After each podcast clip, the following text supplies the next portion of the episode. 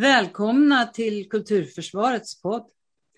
Syftet med podden är att göra konst och kultur till en valfråga inför valet 2022. Jag som leder samtalet heter Ulla Bergsvedin, är frilansande skådespelerska, kulturdebattör och grundare av Kulturförsvaret. Dagens gäst är David Eriksson, lastbilschaufför och författare. Varmt välkommen! Tackar, tack! Vem är David Eriksson och vad arbetar du med för närvarande?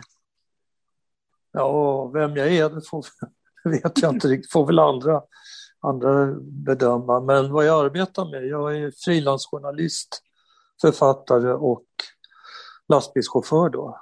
Så att eh, någon slags hybrid mellan de här olika yrkena och just, just nu kör jag ju då eh, lastbil på Europa Eh, på eh, Holland mest. Och sen har, jag en bok som kommer nu alldeles snart i januari. Eh, den fredlösa heter den och den rör sig också lite grann i den branschen kan man säga. Så att, eh, ja, det är väl det. Jag skriver krönikor i Transportarbetaren. Sen har jag skrivit i en massa tidningar, DN och Aftonbladet. Och Ordfront magasin och alla möjliga tidningar. Det är lite till och från. Den här eh, romanen, vad, vad, vad, vad, om du skulle lite sådär kort säga vad, vad handlingen är i den? Ja, det, det är en eh, kärleksroman faktiskt. Och den handlar om en, en uh, ung tjej som slår ihjäl en man som har försökt ge sig på henne. Och uh, och eh, sedan så håller hon sig undan då, bland annat på en gård i Västerbotten. Och så blir hon igenkänd och då flyr hon ner genom Europa. Och den här huvud, eller huvudpersonen då, Sven, han, han är, de är ett par då, så han följer med henne och de hamnar i Köpenhamn i, bland MC-gängen och sen ner i Frankrike. Och eh, hon håller sig undan faktiskt rätt så länge. Ja, det, det är väl vad den handlar om, en flykt kan man säga och en kärleksroman och sen det här temat då, vad hon har blivit utsatt för. Och, ja, så kan jag säga, så långt i alla fall. Mm. Kan man gissa att de tar hjälp av långtradarchaufförer då eller? Ja, han kör lastbil den här han killen då. Mm. Men han eh, slutar ju med det och hjälper henne att fly då mm. genom landet. Så att, eh, men det är väl en kärlekshistoria också mot en mörk bakgrund kan man säga. Och eh, faktum är att den har viss verklighetsförankring också. Att, eh, ja, det har varit roligt, roligt att skriva den, tycker jag. Den kommer nu i januari då, på Ordfront förlag. Spännande. Ja, det tycker jag nog. Det ser vi fram emot. Du, men eh, eh, om vi eh, ser till eh, din barndom då, eh, för din... Eh, du, du, eh, du kom ju ändå från en familj eh, där din pappa var redaktör på Svenska Dagbladet. hur var det med konst och kultur när du var barn? Höll du på med det då? Ja, jag var i en sån eh, krets, eller man ska säga. Mm. Pappa var ju med i Metamorfosgruppen då med Birgitta Stenberg och Palle Andersson. Och, så han höll ju på mycket med poesi då i sin ungdom. Och sen så cirklade väl det där runt i hemmet så jag hade mycket konstnärer och, och skådespelare och, och, och författare och ja, trubadurer framför allt i hemmet. Så att jag fick mycket kultur gratis kan man säga. Det var ju mm. alltid liksom Dan Andersson och Cornelis och så. så. Cornelis kände morsan förresten också. Så att det var mycket sånt i, i mitt hem. Och eh, pappa ville väl bli poet egentligen. Han kallade sitt journalistliv för 40 förlorade år med dagspressen. Mm. Han skrev också i Aftonbladet på kultursidan. Så att, ja, det var mycket kultur när jag var liten. Det var det faktiskt. Mm. Men varför anser du att det är viktigt att föra in konst och kultur i debatten inför valet 2022? Ja, man kan, man kan tänka åt andra hållet. Man kan ju tänka bort konst och kultur ur, ur samhällslivet. Man kan ju tänka, tänk om, eh, om alla pjäser eller alla filmer skulle vara beroende av sponsring av till exempel Volvo då. Att Volvo skulle godkänna allt som, som görs för att det ska liksom ligga i linje med deras försäljning. Mm. Eller ännu värre, tänka sig att politiken skulle vara det som, som liksom var bevekelsegrunden för att ett verk skapades eller framfördes eller fick komma ut. Eh, det är ju alternativet. Det, är ju, och, och, och det fria skapandet är ju grunden för demokratin och, och, att, man, att man får misslyckas också. Att det, att det ska finnas en viss ekonomisk grund för fritt skapande. Och det är ju inte som att tillverka en bil, att, att man säljer en grej i, i hundratusentals exemplar. Ja, en del saker kan ju bli så, men väldigt få egentligen inom kulturen. Utan kulturen måste vara ett, ett stöd, ett samhällsstöd och ett stöd uppifrån politiken, anser jag. För att eh, eh alternativet är så fruktansvärt förskräckande så att det och det är en tunn linje. Vi tror att det här är någonting all, allomgivet i all tid, att det ska finnas kultur och, och att det ska uppföras verk av olika slag. Men eh, det kan ta slut väldigt fort om man inte bevakar det här och kämpar för det. det på alla möjliga sätt, anser jag. Ja, så är det nog. Du, du var ju inne på det att din pappa var, eh, var, ville bli poet och han, du har sagt att han hade nog önskat att du skulle bli det också, men du ville bli lastbilschaufför. Hur, eh, hur kom det sig? Ja, alltså jag hade en ganska knepig barndom. Jag hade, alltså, de var ju väldigt eh, öppna så mot andra. Men de var inga vidare bra föräldrar, mina föräldrar. Så vi hade, jag fick liksom inte mat och inte kläder. Och det tyckte de inte var så viktigt, sina barn. Vi var ju tre syskon. Ja, då sökte jag mig väl till någonting där jag, jag kände mig hemma. Jag har alltid varit väldigt praktisk så. Gillar att snickra och, och mecka och göra saker med kroppen fysiskt. Så att eh, då blev det väl att jag sökte mig till fysiska jobb och där man det är också fattigdomen där, att man, att man får betalt ordentligt för det man gör. Eh, det, lockade inte mig. Sen är det ju så i kulturvärlden om man då ska ta andra sidan av den. Alltså det är inte fråga om att den inte behövs, men ibland, många människor som är i den världen är ganska egocentriska och, och ibland lite det skapas mycket bra men det finns också väldigt eh, fokus på personen hela tiden. Och jag ville väl mer vara i ett sammanhang då med arbetskamrater och, och folk som var lite mer som jag, att de var praktiskt lagda. Och,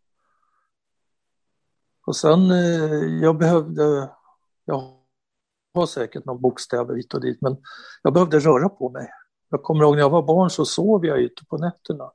Mm. Jag kunde inte sova. Det är bara en sån sak. Men när jag var 16 då började jag jobba på en brädgård och jobba tungt varje dag. Och då sov jag bra på nätterna. Jag, liksom, jag hittade ett sammanhang där i, i, i kroppsarbetet.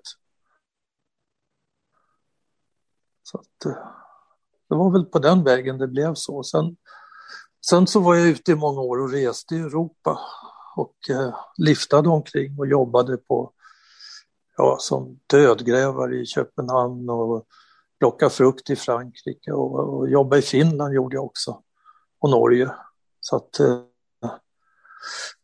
och då, då reste jag ju runt och liksom bodde ja, där jag hamnade.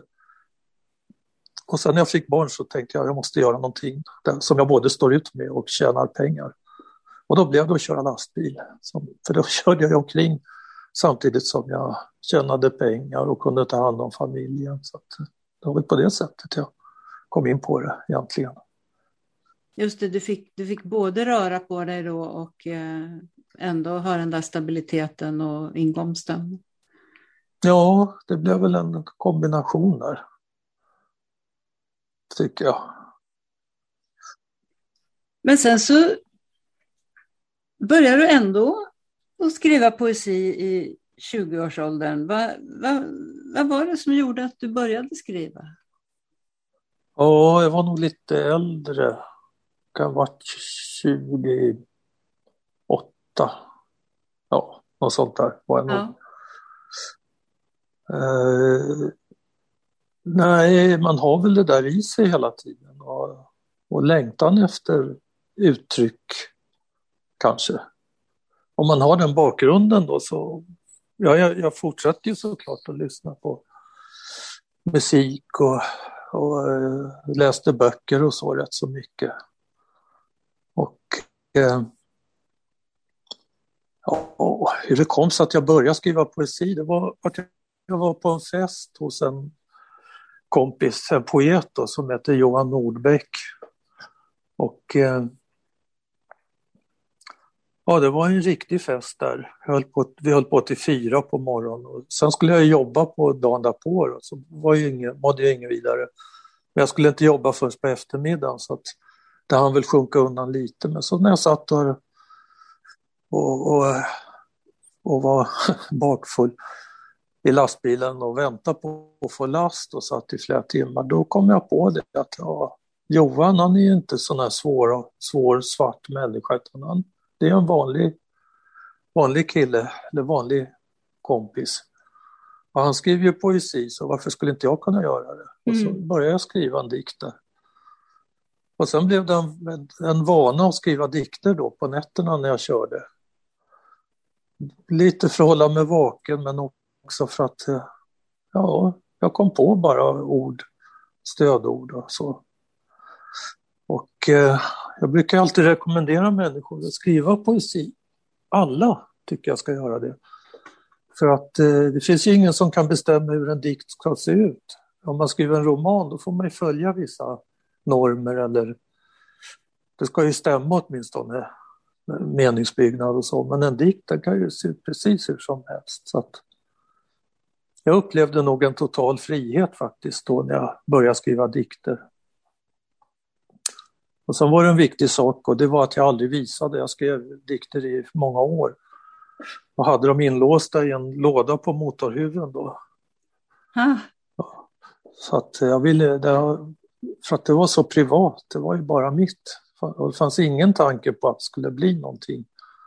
Utan det var bara ja, en en bra grej för mig. Och, och det jag märkte då när jag skrev dikter, och, och det är därför jag rekommenderar folk att, att göra det, att man strukturerar upp saker i, mm. i livet.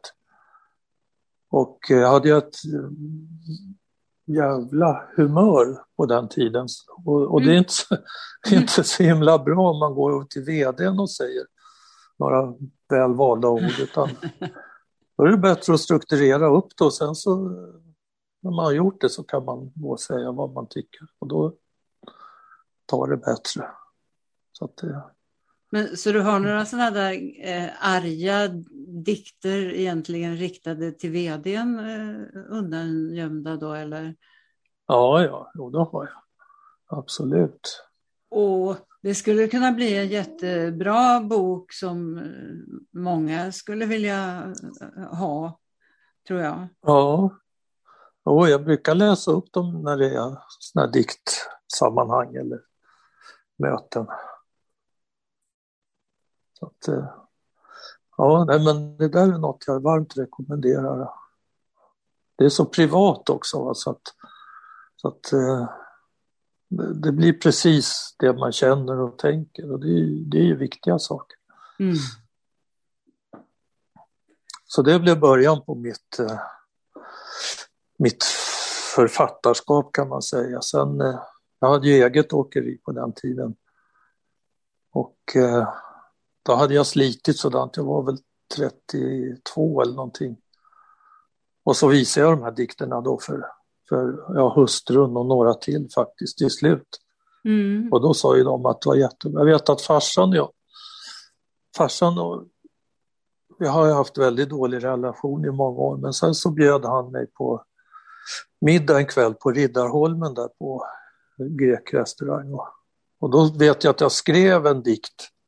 Jag var jätterädd alltså för vad han skulle tycka så jag skrev en dikt som jag hade skrivit på en servett.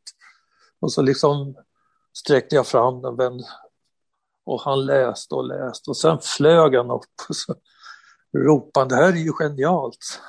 Ah. så att, eh, det var en väldigt erkännande. Han var generös på det sättet farsan. Ja, det var väl en bra dikt?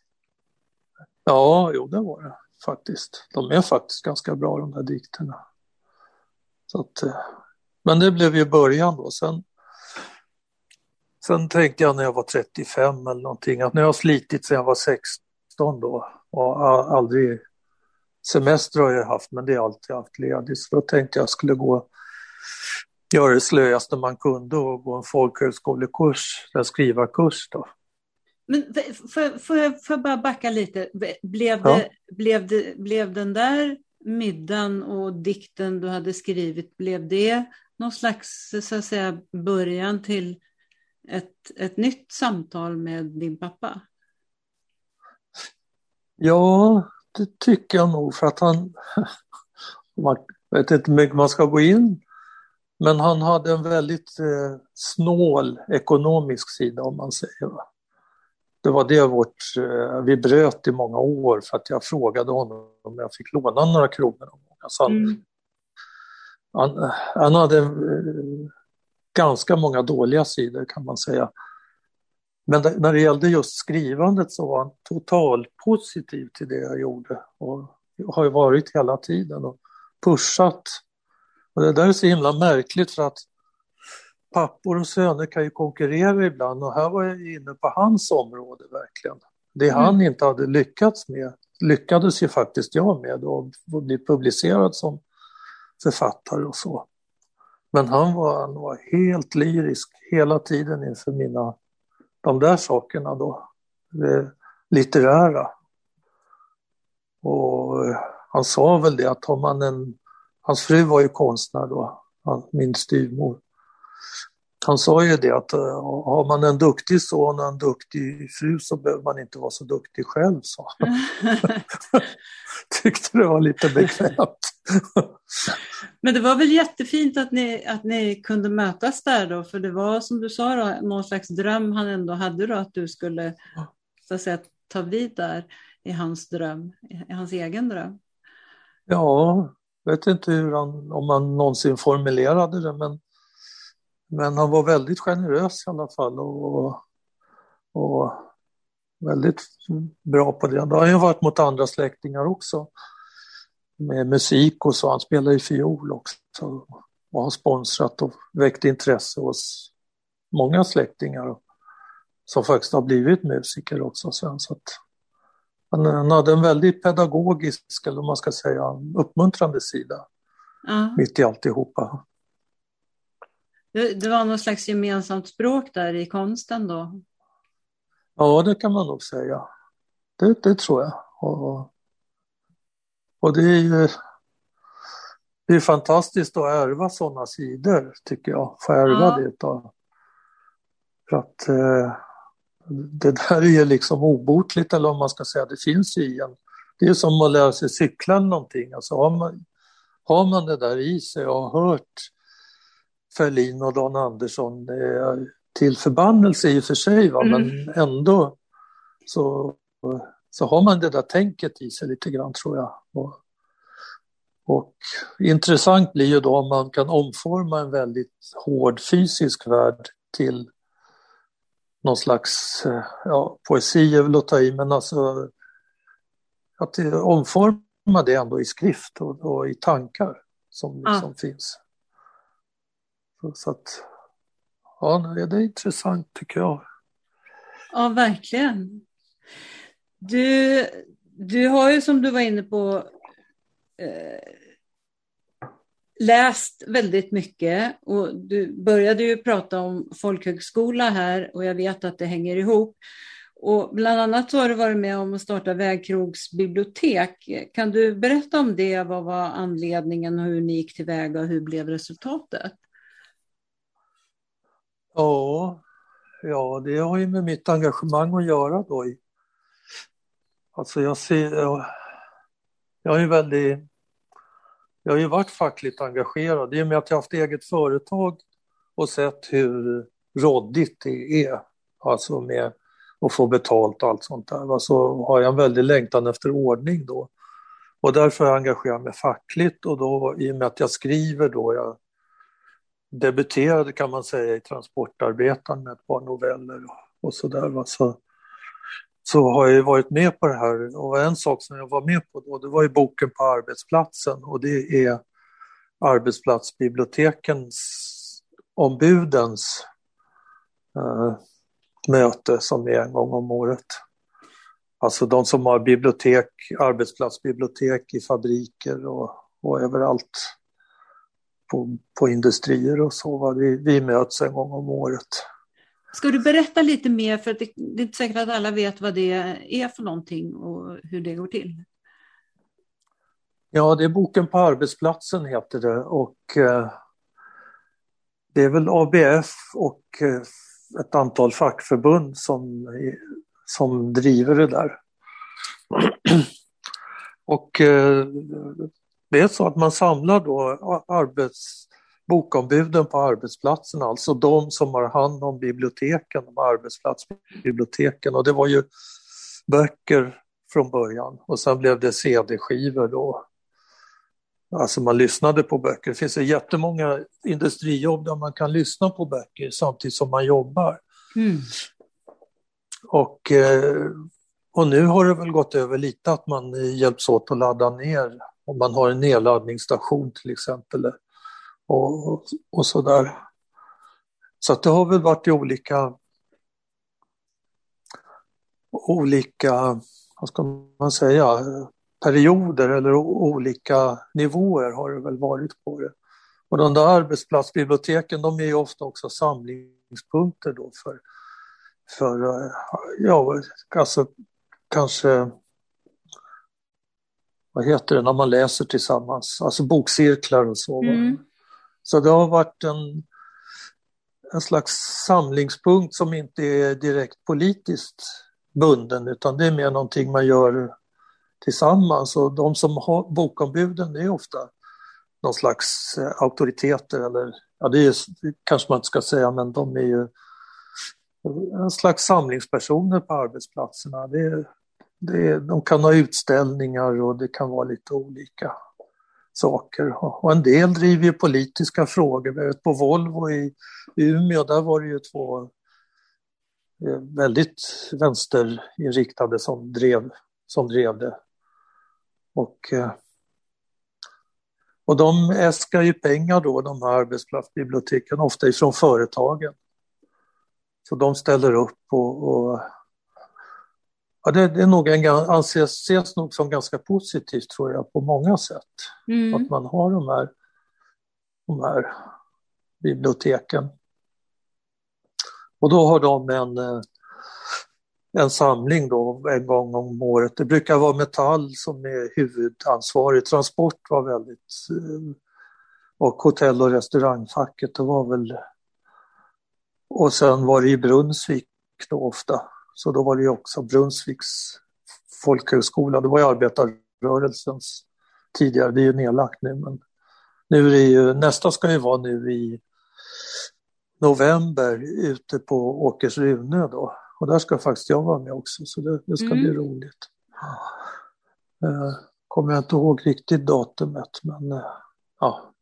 ja. men det är jätteroligt alltså. Jätteroligt att vara, vara med där och träffa folk ifrån Cloetta ifrån uh, slakterier till Linköping och traktorfabriker och bilfabriker och det är alla möjliga tidningsbud och så.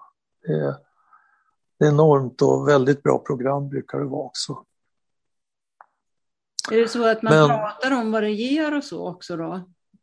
Ja, man har väl olika teman. Mm. Och, och ett, ett, kan ju vara hur man söker bidrag och hur man... Och sen är det ju då författarmöten, alltså författare då som jag som pratar om litteratur och böcker. Och, och så det, det, är många olika ämnen. Konst brukar också ingå, vi brukar gå en konstrunda då ja. på Brunnsvik.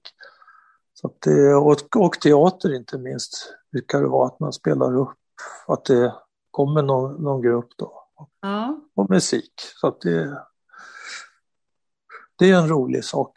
Och det är väl ABF nu tror jag som är huvud, håller i det i huvudsak. Tidigare var det mer eh, eh Metall, var, alltså de som jag sa då, som, som eh, höll i det. Men där hade vi ett problem då för att tanken med hela grejen det är att arbetare ska läsa mer. Mm. Alltså att, att få, och, och, det är ju den här gamla arbetarrörelsetanken att om man, om man läser till exempel, om man läser böcker och litteratur, ja då läser man förmodligen också tidningar. Mm. Alltså det är lite, och då blir man mer informerad. Det är en helhetstanke, precis att kulturen är, är ja, en viktig del av samhället och en inkörsport till, till diskussioner och till eh, information. Så att, eh, och då är en dålig grej att eh, arbetare, hälften av alla arbetare öppnar aldrig en bok då, som undersökningar har visat. Mm. Och sämst var det med chaufförer och lastbilschaufförer. De, för de, de kommer ju inte ens åt böckerna ofta. Va? Man ligger ute på vägarna och jobbar på, alltså jobbar obekväma arbetstider, jobbar helger och, mm. och, och sådär. Så att då, det är väldigt låg, var väldigt lågt intresse för böcker och då, då då började vi ju fundera, det var väl jag och, och, och Lotta Duré på, som var kulturansvarig på Transport. För det har de där, det, det ska de heter av och ja, några till då som eh, Kersti Bosdotter på Metall. Och vi satt väl och funderade på vägen hem på tåget vad fan man skulle göra åt det där. Och då var det någon som kläckte idén att man kan ju ha bibliotek på på mackar och vägkrogar. Och jag nappade väl inget vidare på det där för jag tänkte fan, de läser, kommer inte att läsa i alla fall. Va? Även om det finns böcker så kommer inte chaufförerna att, att läsa så himla mycket. Alltså man läser ju kanske två sidor innan man mm. somnar som en... För man, folk är så trötta, det är man innan man jobbar mycket. Men då kom vi på det att eh, det, jag, jag tror det, jo det fanns CD-böcker då, att vi kunde ha CD-böcker. Och eh, det fanns ju inte många CD-böcker på den tiden, det var, var väl max ett hundratal alltså, som var inlästa. Sen finns det ju de här Daisy-böckerna för synskadade och så, mm. men, men de kommer man inte åt, det måste man ha antingen dyslexi eller var synskadad. Och så tänkte jag, fan, kom, de kommer ju aldrig att lämna igen de där böckerna till mm. biblioteken, de kommer ju bara flytta iväg. Men så fick vi, jag tror de sökte pengar från Kultur i arbetslivet då. De, de fackligt ansvariga då. Och fick pengar. Och då funkar det ju så att man fick lägga till, lägga till man får ju halva beloppet och så mm. får man lägga till hälften. Och då, då ställde ju faktiskt Transport upp på det och, och tyckte det var en bra idé som förbund då.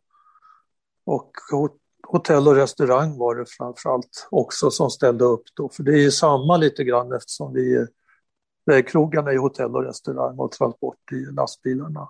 Mm. Så det skulle vara för både hotell och restaurangpersonalen och lastbilschaufförerna då. Och, och, båda förbunden ställde upp helhjärtat och la ner mycket jobb på det där. Det var ju Barbro Andersson som var kulturansvarig på hotell och restaurang. Då, så, att, så vi invigde det första, första vägkrogsbiblioteket i Tönnebro då, 2004. Det Med fick, ju, ja, och det fick ju eh, positiva effekter utöver själva läsningen också, har du sagt. Ja, det var ju då, då invigdes ju det och vi var där och, och pratade, jag och en författare till. Och, och det var ju bara en liten hylla, det var inga märkvärdigheter men, men eh, ja, sen fick det ju en väldig, väldig uppmärksamhet då. Så det har väl aldrig, jag tror aldrig något fackförbund har fått så mycket uppmärksamhet för någonting som för det här. Det, blev ju en enorm... Och vi invigde bibliotek efter bibliotek för att eh, vägkrogarna slogs ju om de här böckerna. Så att mm. det gav ju dem bra publicitet och det gav dem kunder att chaufförerna körde in just vid deras lilla mack. Så att eh, jag, vet, jag tror det var 14 stycken. Jag tror nästan alla är kvar nu också. Det var, och det blev ju en, eh, alltså det var ju massvis med tv. Tv åkte ju med i lastbilar härs och tvärs och lyssnade på böcker och gjorde reportage om det. Och alla tidningar skrev om det och, det, det, blev en enorm succé. Och eh, ja, det blev ju större än vi någonsin kunde tro. Och sen tidningarna, de började skicka sina recensionsex då av ljudböcker. Så när de hade lyssnat på dem så fick vi dem. Och så kom ju lådor med böcker då till transport. Och folk började lämna in sina böcker som de, privata böcker då, som de ja. hade lyssnat på. Så att eh, det, blev, det, blev, det blev ju som en folkrörelse. Jag tror nog att, att vi hade en viss del i den här ljudboksboomen ja. som har blivit. För att det blev så...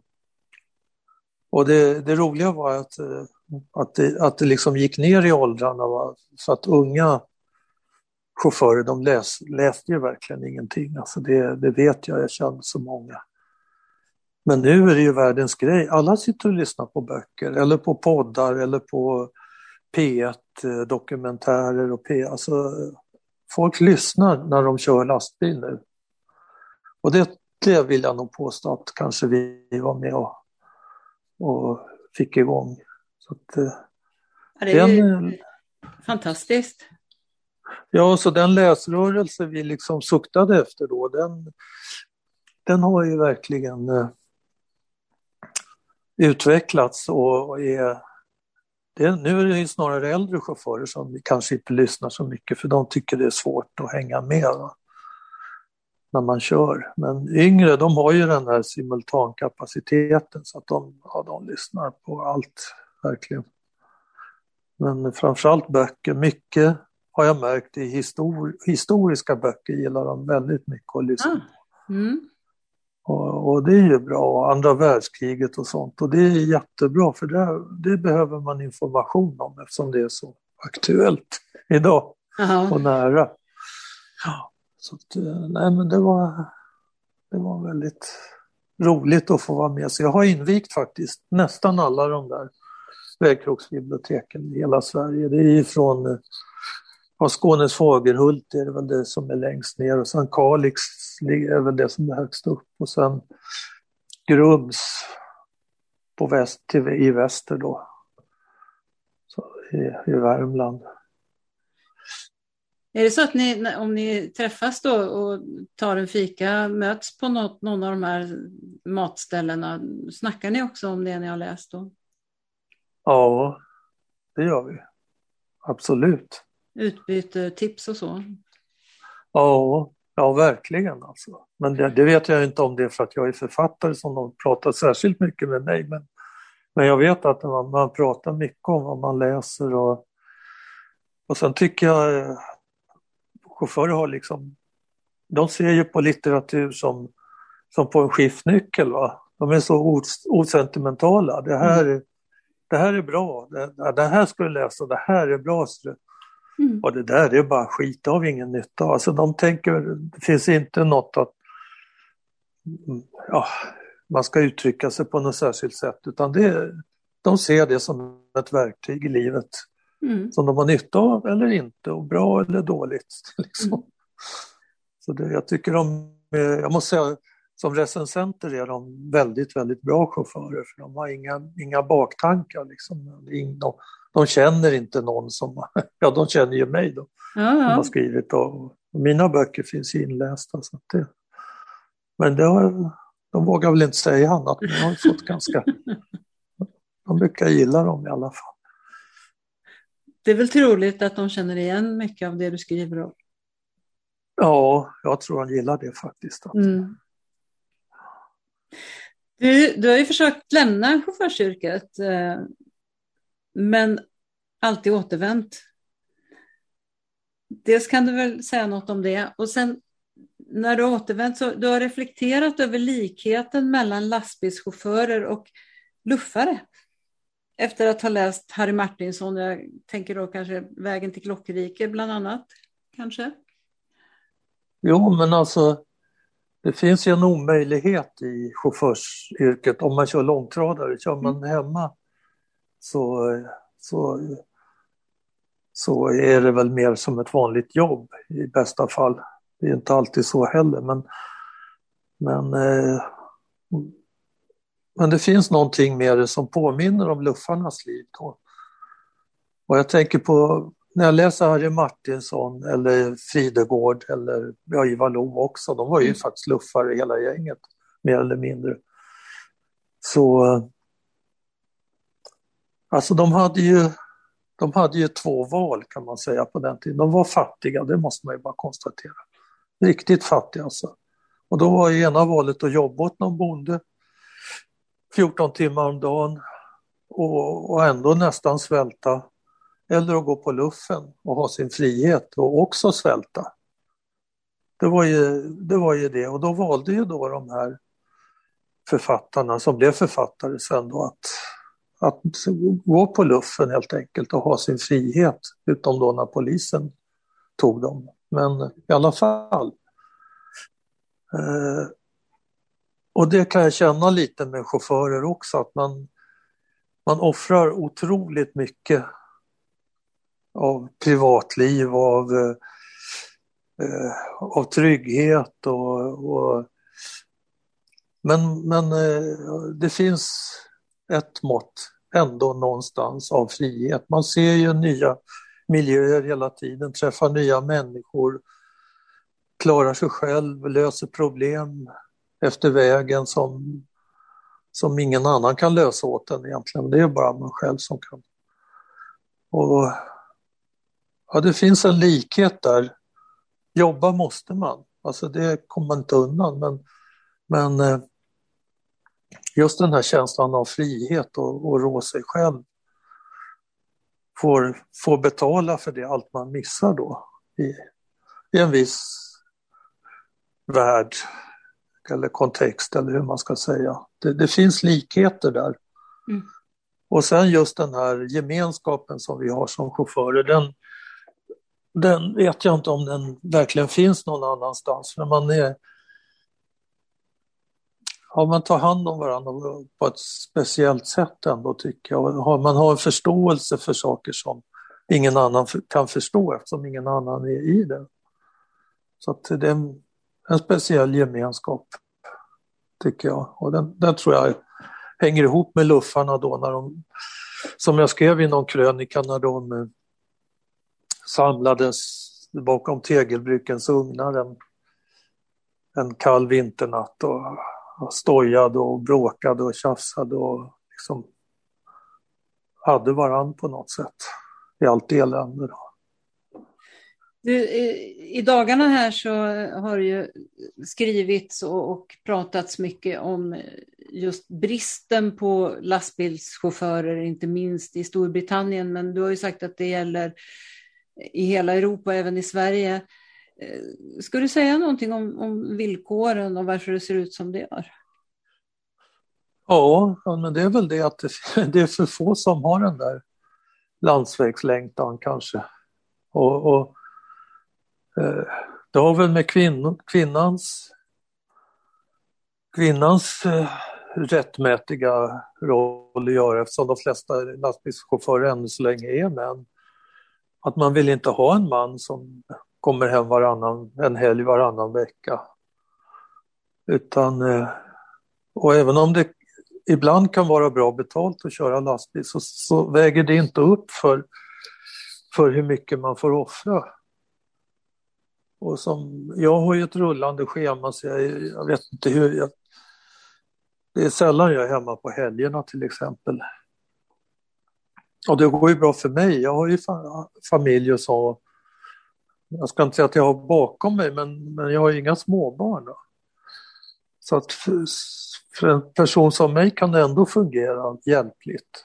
Men, för man blir ju fruktansvärt trött ibland, det kan jag säga.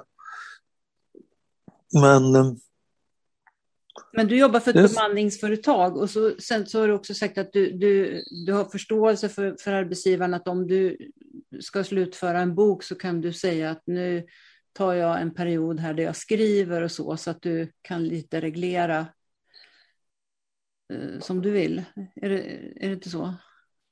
Jo, till viss del, men det har ju hårdnat lite nu har jag märkt att nu, nu ska mm. man jobba oavsett och då får man ju säga upp sig. Men jag menar, jag kan inte jämföra mig med en eh, person som är 30 nu till Nej. exempel för att jag har ju en och sen har jag ju väldigt stort nätverk så skulle jag inte jobba där jag jobbar nu så skulle jag jobba någon annanstans. Mm. Jag är alltid välkommen då var jag, var jag vill jobba. Så jag, jag tycker inte jag är representativ riktigt. Men eh, för den som är 30 till exempel eller 35 och har småbarn eller tonåringar och, mm.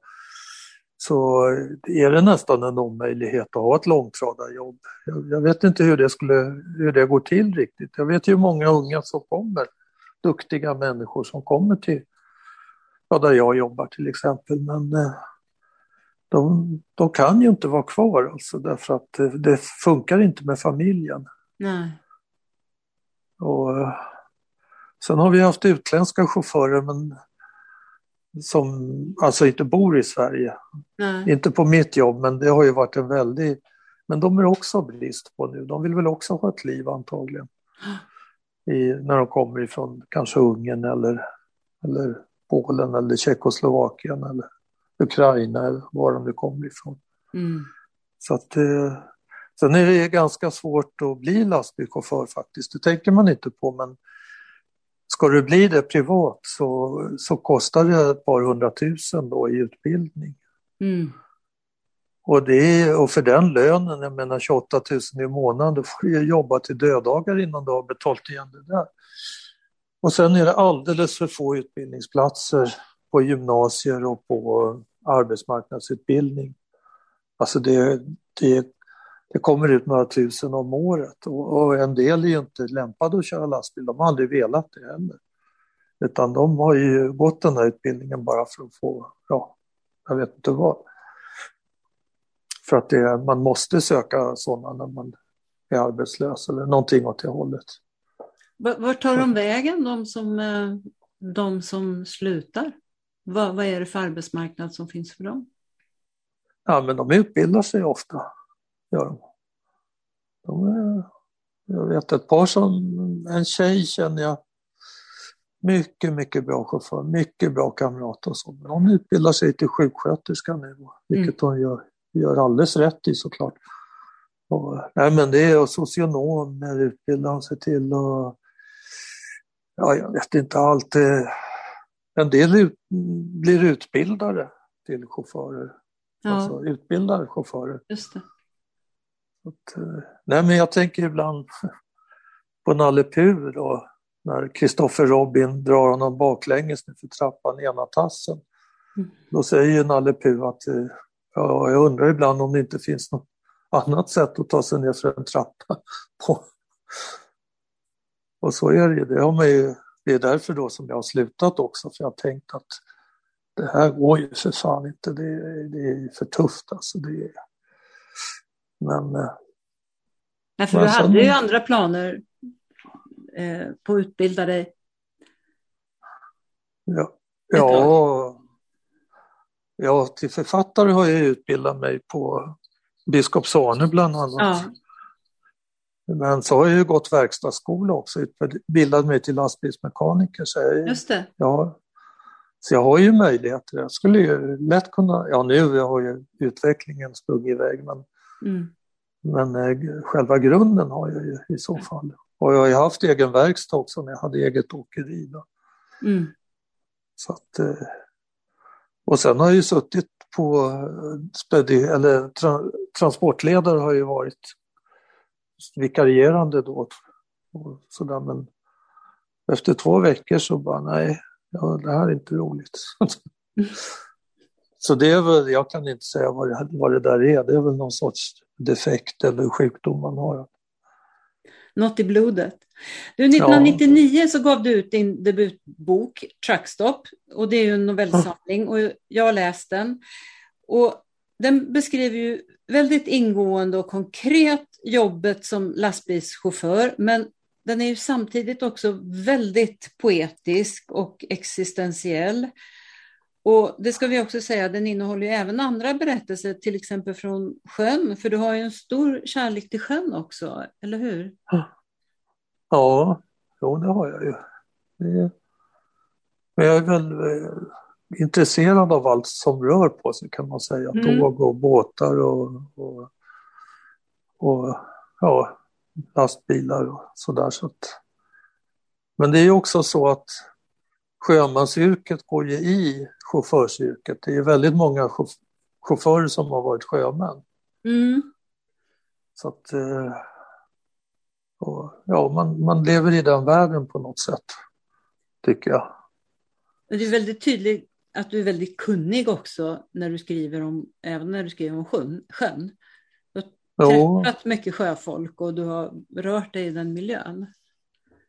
Ja, och sen har ju... Det är viktigt det här som hände tidigt i livet och då tidigt så läste jag mycket av Ove Allansson också och jag tyckte hans skildringar av sjön och, och de, allt de råkade ut för där i hamnarna, alltså den var så väldigt bra. Va? Så att det, det där har inspirerat mig faktiskt också till att, att skriva om den världen. Och den är ju så nära, nära min. Och jag fick ju Ove Allanssons priset också mm. här för ett par år sedan. Så att, eh, nej men det går i varandra där tycker jag. Ja, du fick ju, du fick ju Ove Erlandssons eh, stipendium. Det var ju nyinstiftat då när du fick det. Det var ju precis efter att Ove Erlandsson hade gått bort. Och ni, mm. var ju, ni kände ju varandra också, du och eh, Ove Erlandsson väl? Ja, inte jättebra, men, men vi sågs några gånger och vi hade ju jättetrevligt. Det var ju en mycket, mycket bra person. Mm. verkligen, mm. och viktig på många sätt. Mm. Och, och du, fick, eh, du fick det här stipendiet tillsammans med Jenny Wrangborg och du fick det med motiveringen för ditt samlade bidrag till arbetarlitteraturen. Så det var ju en väldigt ja. fin motivering.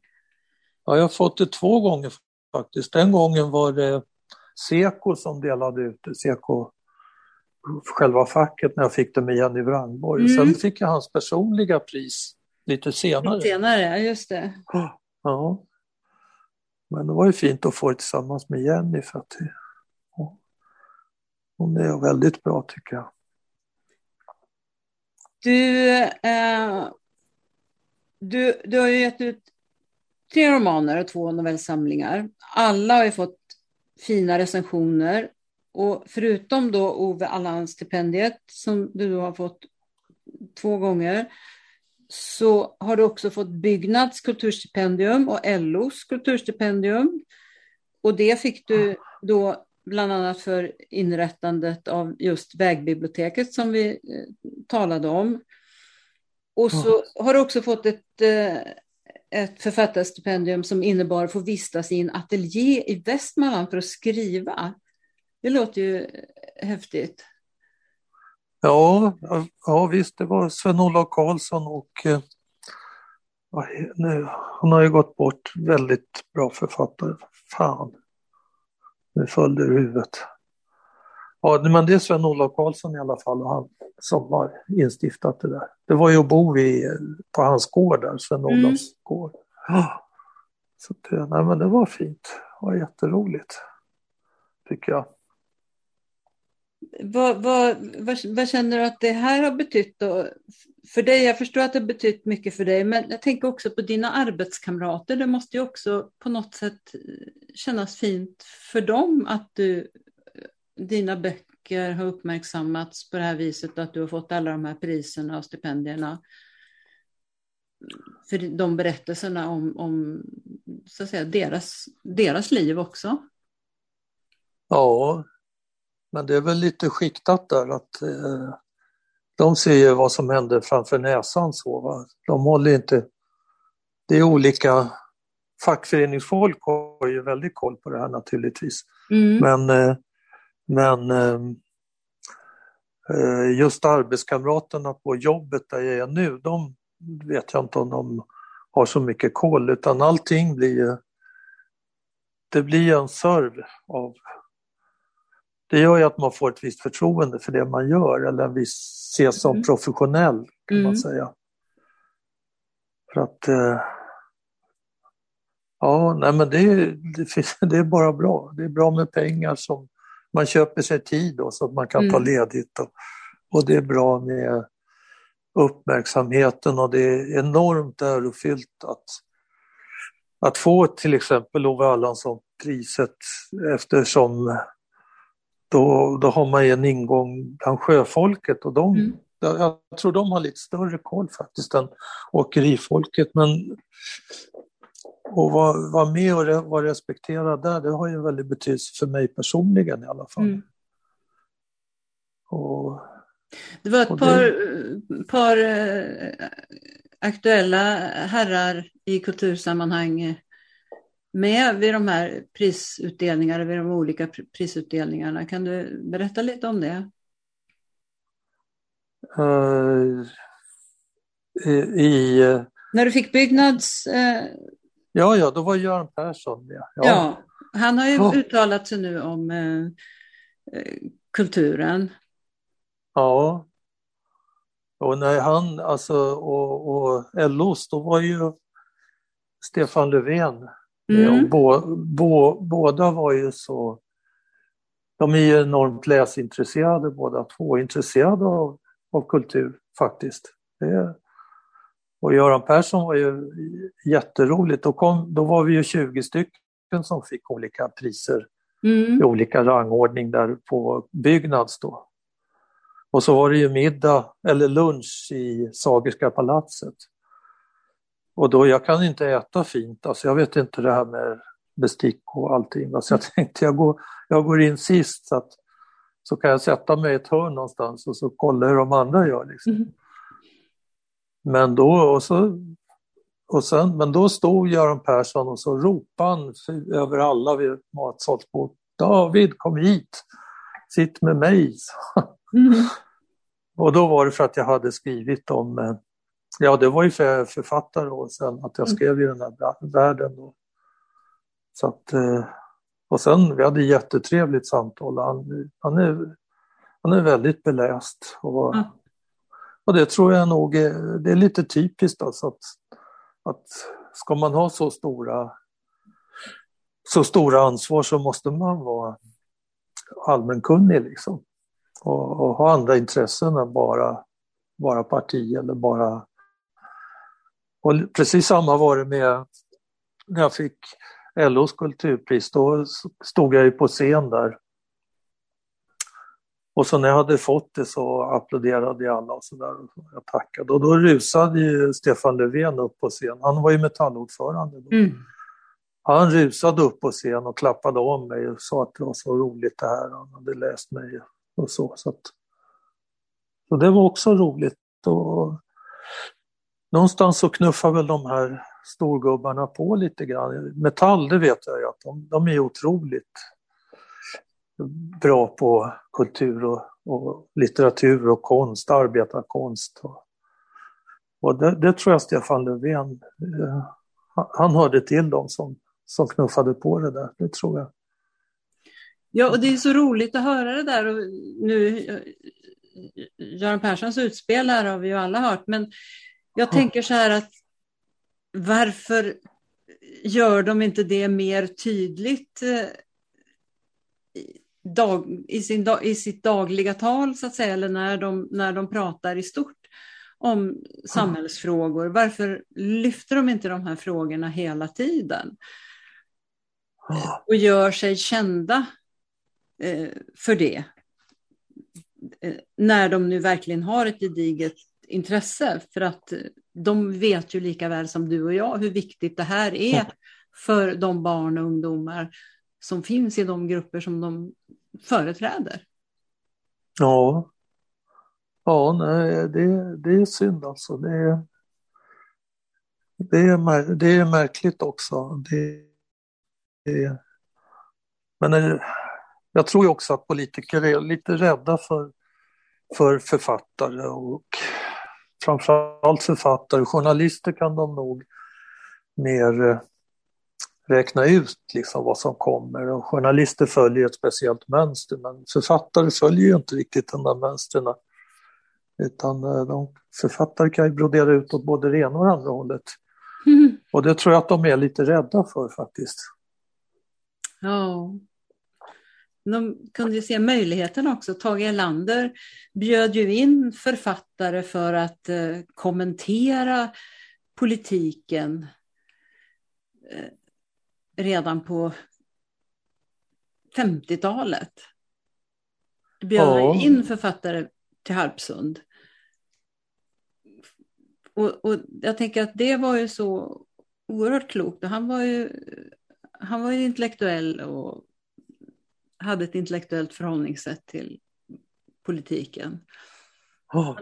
Tänk att det skulle vara väldigt hälsosamt med mer sånt.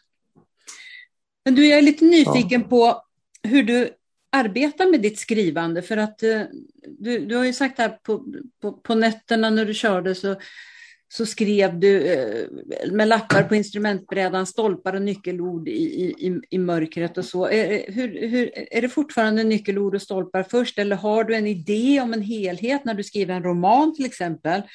Du var inne på det förut med, med att det finns någon slags viss eh, vissa regler ändå när man skriver en roman och sådär.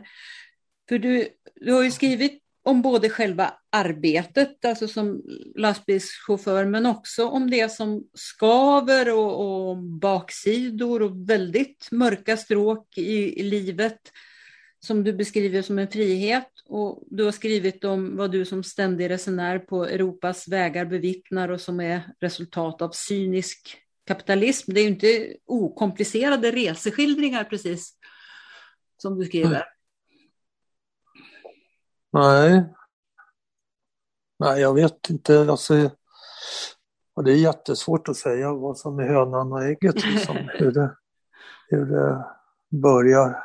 Och vi, eh, men eh, jag, jag har ju ingen eh, agenda eller hur man ska säga att, att jag måste skriva till varje pris till exempel.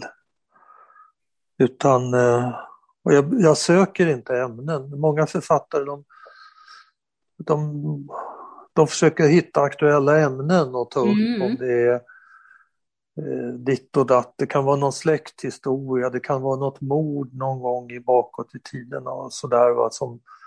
för att de måste hålla grytan kokande. Mm. Men jag har väl gjort så att jag aldrig har, har eh, gjort mig beroende av skrivande, varken journalistiskt eller, eller eh, litterärt. Och det var väl eh, pappa som skrämde mig, mm. kan man säga.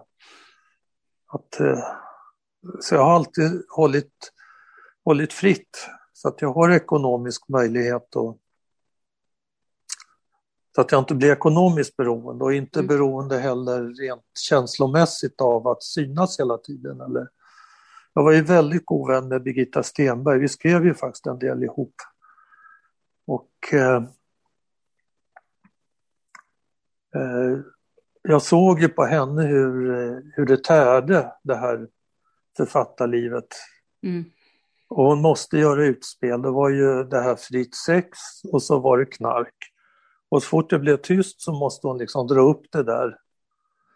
För, och, och, det tyckte jag var så jobbigt för hon var varken för fritt sex eller för knark så som jag kände henne. Hon, hon överlevde ju med nöd och näppe sitt missbruk då för länge mm. sedan.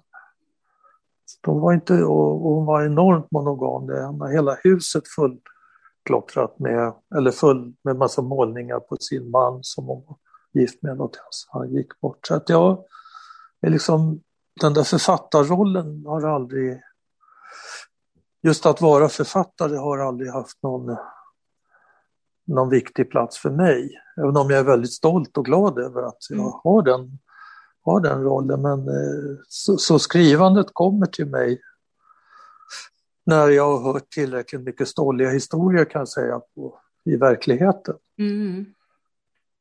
Och sen när jag känner väldigt starkt själv att jag, jag vill ju berätta det här. Så att eh, den senaste boken nu då, som kommer nu i januari då, den, den bygger ju mycket på mitt liv på riktigt. Mm. Och då har det varit väldigt lätt att, att ta saker, scener liksom ur det och sen ett sammanhang också som faktiskt är sant om det här med, med mordet och, och sådana saker. Och då har det kommit till mig och då är det, det är väl som en del säger att då är det bara att sätta sig och skriva. Det är bara att skriva, bara, bara gör det. Och sen har jag ju då förmånen att jag kan skrivandets konst. Och den jämför jag med att till exempel lära sig tala franska eller någonting. Alltså att man, man lär sig ja, helt enkelt språket, skriv, skriftspråket. Mm. För det är inte samma som talspråket, det är väldigt stor skillnad. Men man lär sig det och om man då totar ihop nu, är det fem, ja det är fem böcker, sex nu då med den här och mm. Då har man ändå fått lite rutin, mm. tycker jag. Och sen hundratals, många, många hundra tidningsartiklar och krönikor och mm. allt vad det är. Så att, eh, det Men drivs väl av... Mm, den, den, den, här utbildningen på Biskops Arnö, eh, vad var det för... Eh, var det en skrivarkurs eller var det en längre utbildning? Ja, jag gick väl där ett år. Först en jag gick inte grundkursen där, men sen så kom jag in andra halvåret då. Mm. Eh, tillsammans med de som hade gått första halvåret så kom jag in mm. andra halvåret. Enligt något system. Nej men eh, Biskops-Arnö kan väl vara både knäckande och uppmuntrande. Det är ganska smalt sådär vad man... Jag tror inte det hade varit bra att gå första, första halvåret där men man lär sig en del ganska enkla knep. Mm.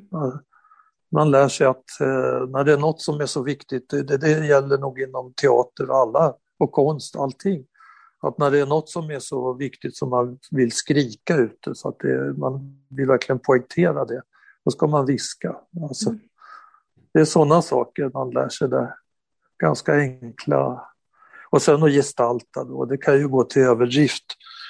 Men istället för att säga att det var vackert väder så säger man att solen sken och fåglarna kvittrade. Alltså, mm. Sådana ganska enkla saker. Sen har man ju man har ju en hel klass, alltså det är uppdelat då, men klassen var väl på 15 pers, något sånt tror jag. Och då kanske man har fyra stycken i sin grupp och så har, läser man varandras texter och så kommenterar man dem inför varandra. Och det går ju så då får man ju en direkt respons på det man har skrivit. Mm. Och då ser man då ser man ju vad som är vad som liksom istället för att man själv sitter och vänder och vrider och går bakåt och framåt och upp och ner i texten så, så får man ju direkt svar bara. Det här mm. funkar och det här funkar inte. Om halva klassen är nöjd och halva tycker det är skit, då är det ganska bra, brukar jag räkna. Mm. Så att eh, det var väl sånt man lärde sig. Och sen underbara lärare. Då var ju Ingmar Lemhagen och Mona Korsnäs. Helt fantastiska som personer, jätteroliga att, att vara med. Så hängivna, det var ju det var, en, det var en riktig upplevelse. Att, eh, ja, det är ju naturligtvis eh, grundläggande att, att, att det funkar för att man ska våga kasta sig ut. Ja, ja, ja visst. Nej, men det var... Så det var en väldigt bra början. Och då skrev jag ju första boken där. Jag gick ju på Stockholms folkhögskola också först. Mm. Så första boken, Truckstop, skrev jag under den tiden. Du, eh, apropå Truckstop som ju utspelar sig mycket i eh, lastbilsmiljö. Schablonbilden av lastbilschauffören det är en man till att börja med som äter dålig vägkrogsmat och inte har intellektuella intressen. Hur är din bild? Ja, alltså den... Min bild är nog att lastbilschauffören, alltså att, de är, att vi äter dålig mat, det kan vi ju inte göra något åt, för det finns bara dålig mat. Det är liksom, så det, det är inte något eh, intresse, utan det kan ju alla som är, åker längs vägarna konstatera att det inte... Alltså, jag, jag vill nog... Min samlade bild är, är att det nog, om man skulle generalisera, är människor som är lite, lite intelligentare egentligen än genomsnittsmänniskan. Alltså, fast det är ju väldigt generaliserande, men det finns ingen som bara kör lastbil nästan. Utan alla håller på med någonting. De, de, ja, det kan vara precis vad som helst. Ofta är det ju amerikanska bilar eller, eller men alla håller på med någonting eller de har ett hus i Spanien som de håller på med eller de de liksom sitter inte still utan de far omkring hela tiden med olika saker och, och, eh, och har olika egenheter. Det finns ju de som är alkoholister och så också. Men, men eh, och det är, det är liksom ingen lek att hålla på med en amerikansk bil och göra den jättefin. Det kanske folk tycker är meningslöst. Men det är, det är ju... Eh, det kan vara ett enormt expertjobb. Och sen är det ju folk som provar olika saker. De har ju varit på sjön, de har, de har provat olika åkerier, hoppar runt och, och sen är det ju problemlösare. För man är helt ensam alltid att lösa mm. problemen. Och, och, och sen, ja det är ju inget enkelt jobb. Det är inte enkelt att köra när det är blixthalka. Och, och man kör kanske på norska vägar och serpentiner och snökedjor och snöstorm och plogkonvojer och allt vad det är. Alltså det, är det är inte vem som helst som gör det faktiskt.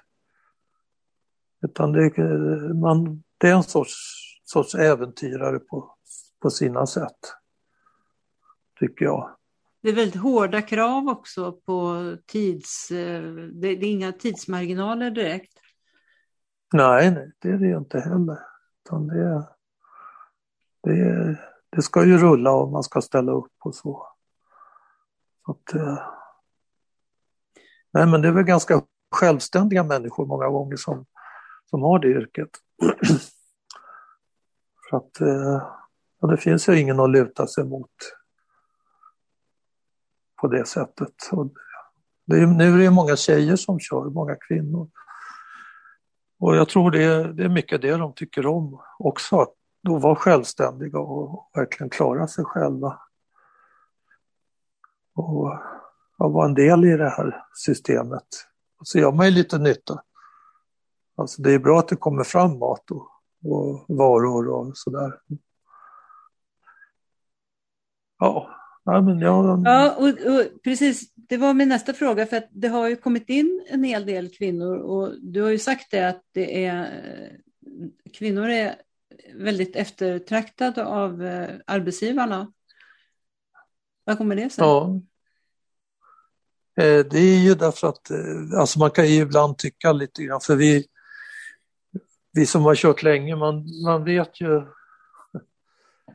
det finns ju vissa saker som man liksom kan ja, ta lite lättare på eller det kanske inte behöver vara tre spännband över den där pallen eller två utan det kanske räcker med ett. Men kvinnorna är supernoga många gånger, ofta. Och det har väl att göra lite med osäkerhet men ja, de är ju rädda om grejerna på ett annat sätt än vad många män är.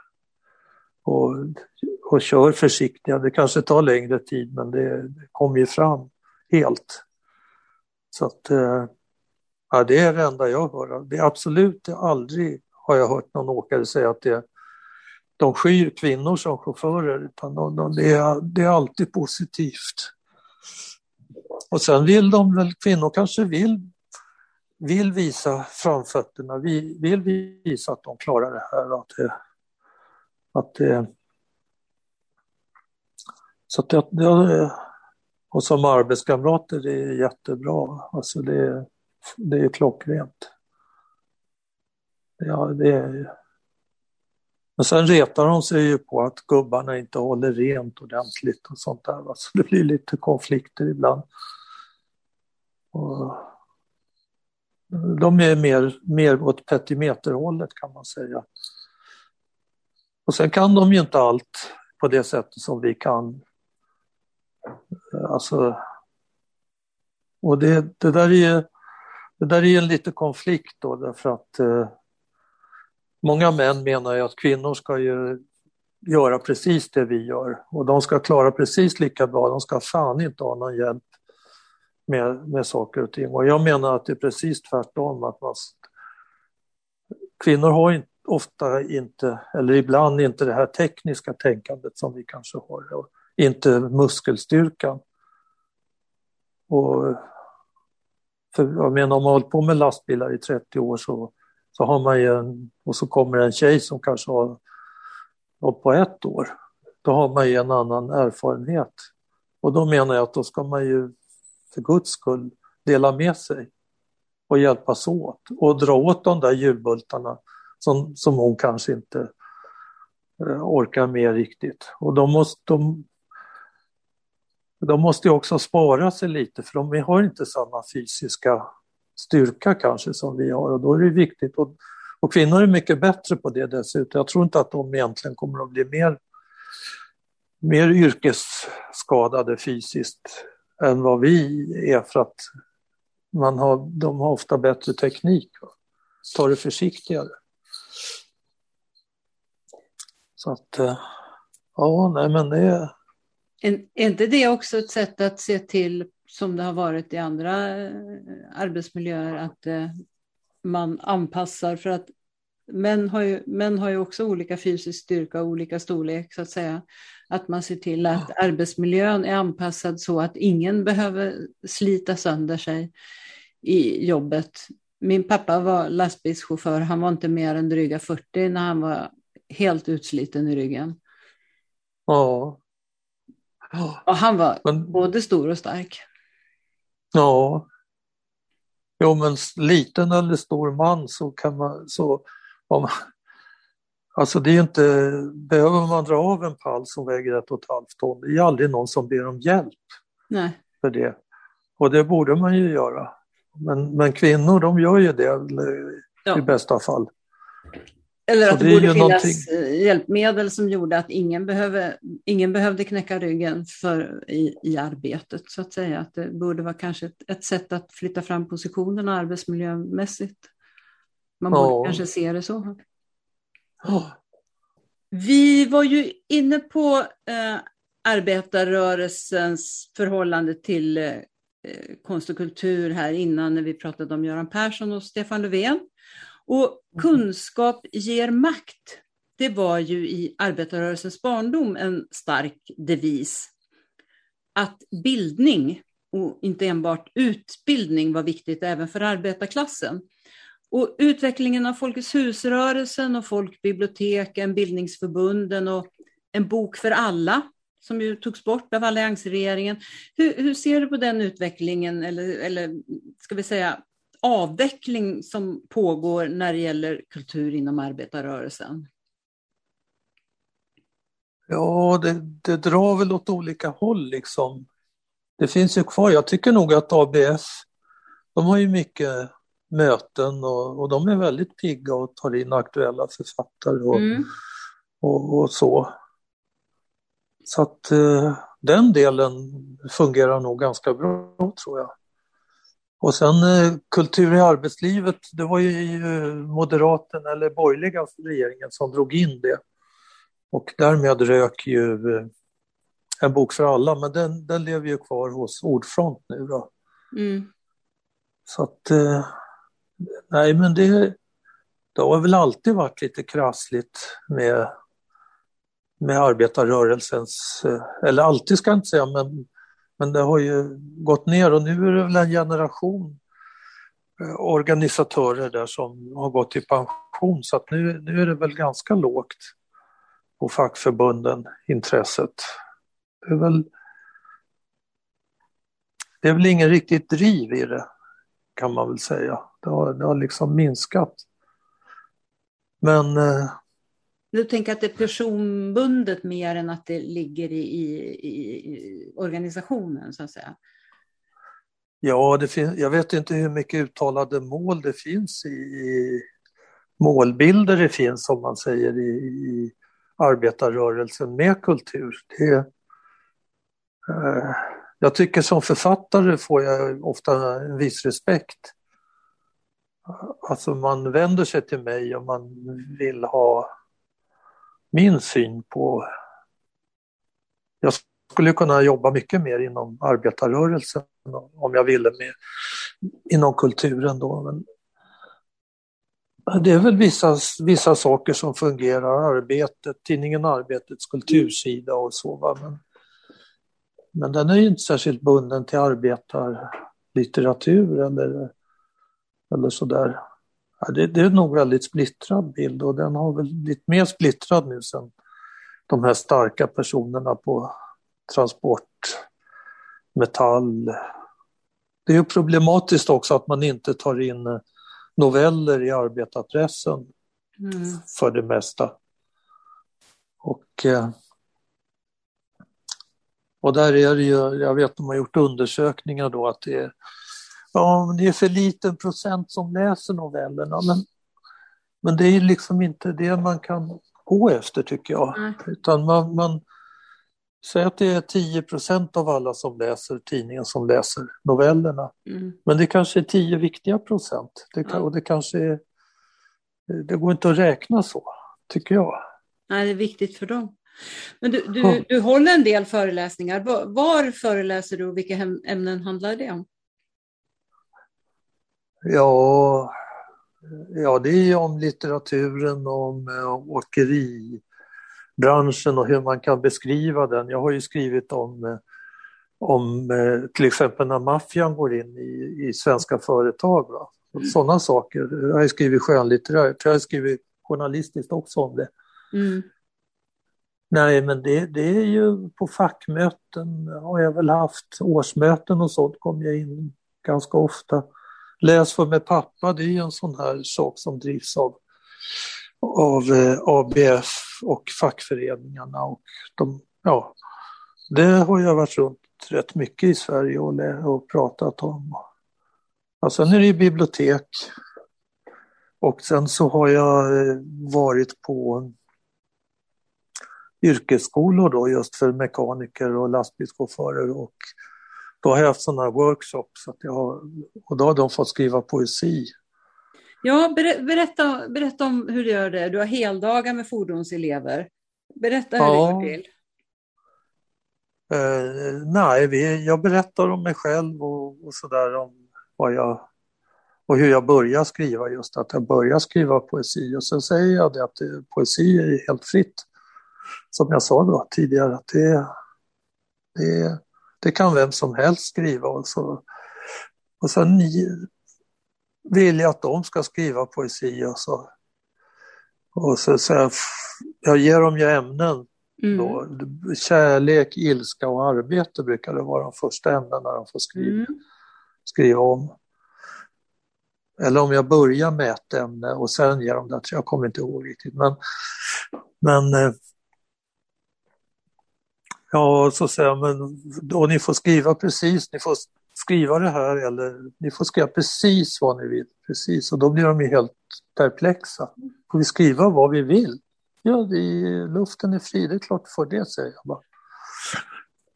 Ja, och sen håller vi på med det där fram till lunch ungefär så kommer det en pizza då, det är alla glada för. Mm. Så käkar vi och sen fortsätter vi på eftermiddagen. Och och det blir enormt fina grejer, alltså. fantastiska. Mm. Så att jag brukar vara uppe i Sundsvall och, och där, där hade vi en utställning på Sundsvalls museum med de här dikterna en gång. Så att, och det, det blev jättebra alltså.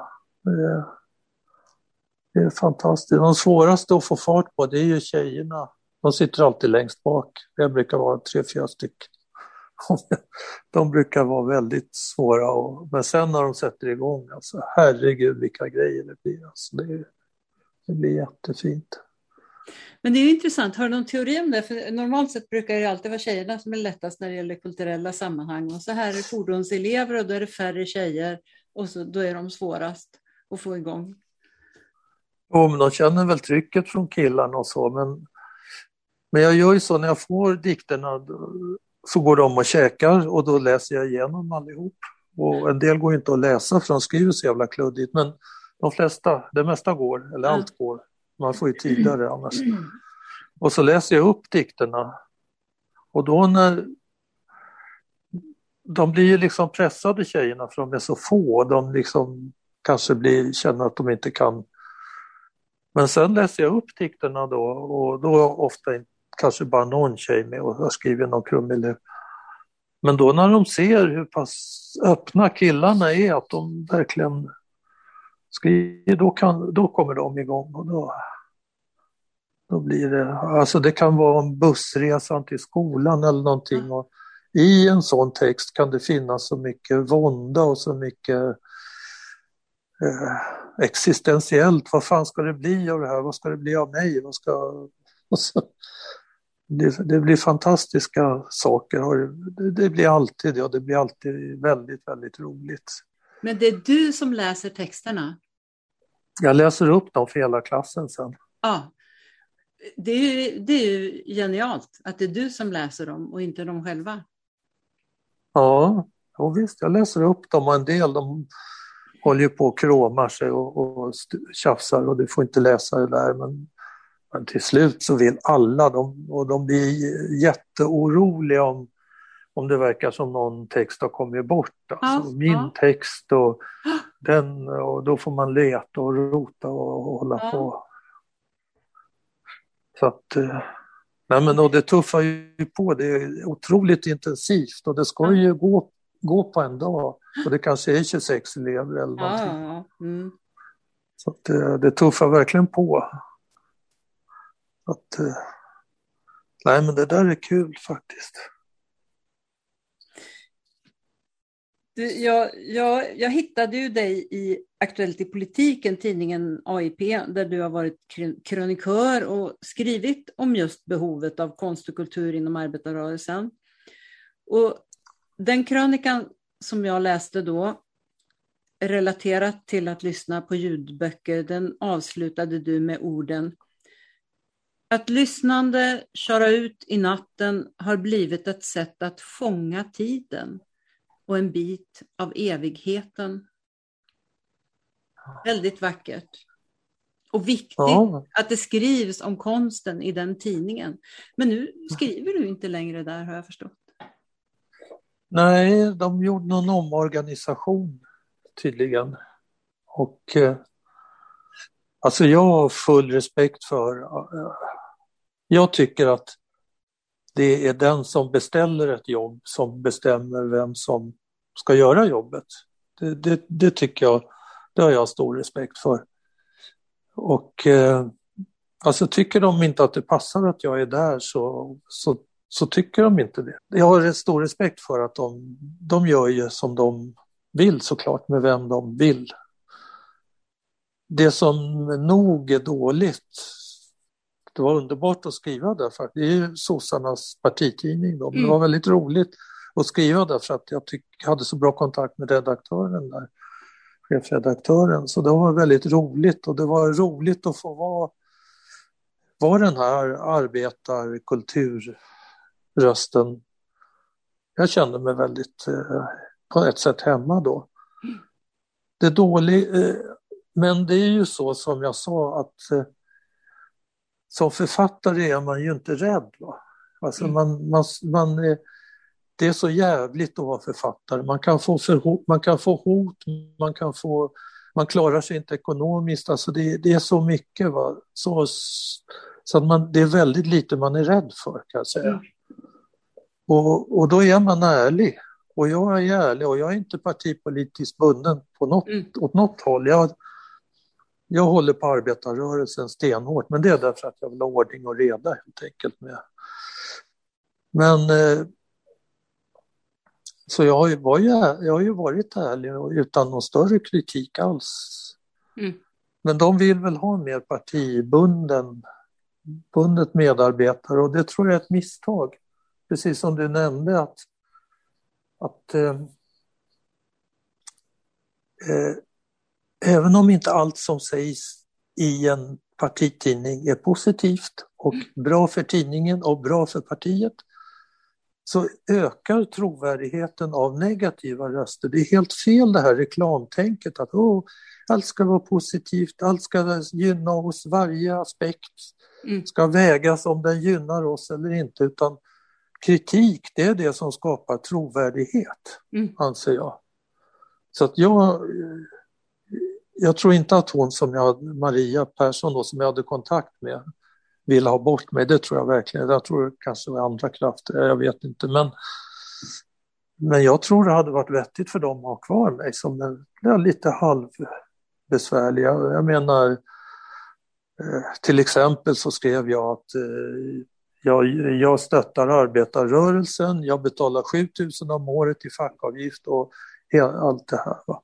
Men jag stöttar inte Centerpartiet. Alltså jag tycker inte att Centerpartiet passar in i arbetarrörelsen. Och det är väl en åsikt man kan ha. Det, det är ju inte det är inte att jag vill att sossarna ska dö, utan det är tvärtom. Va?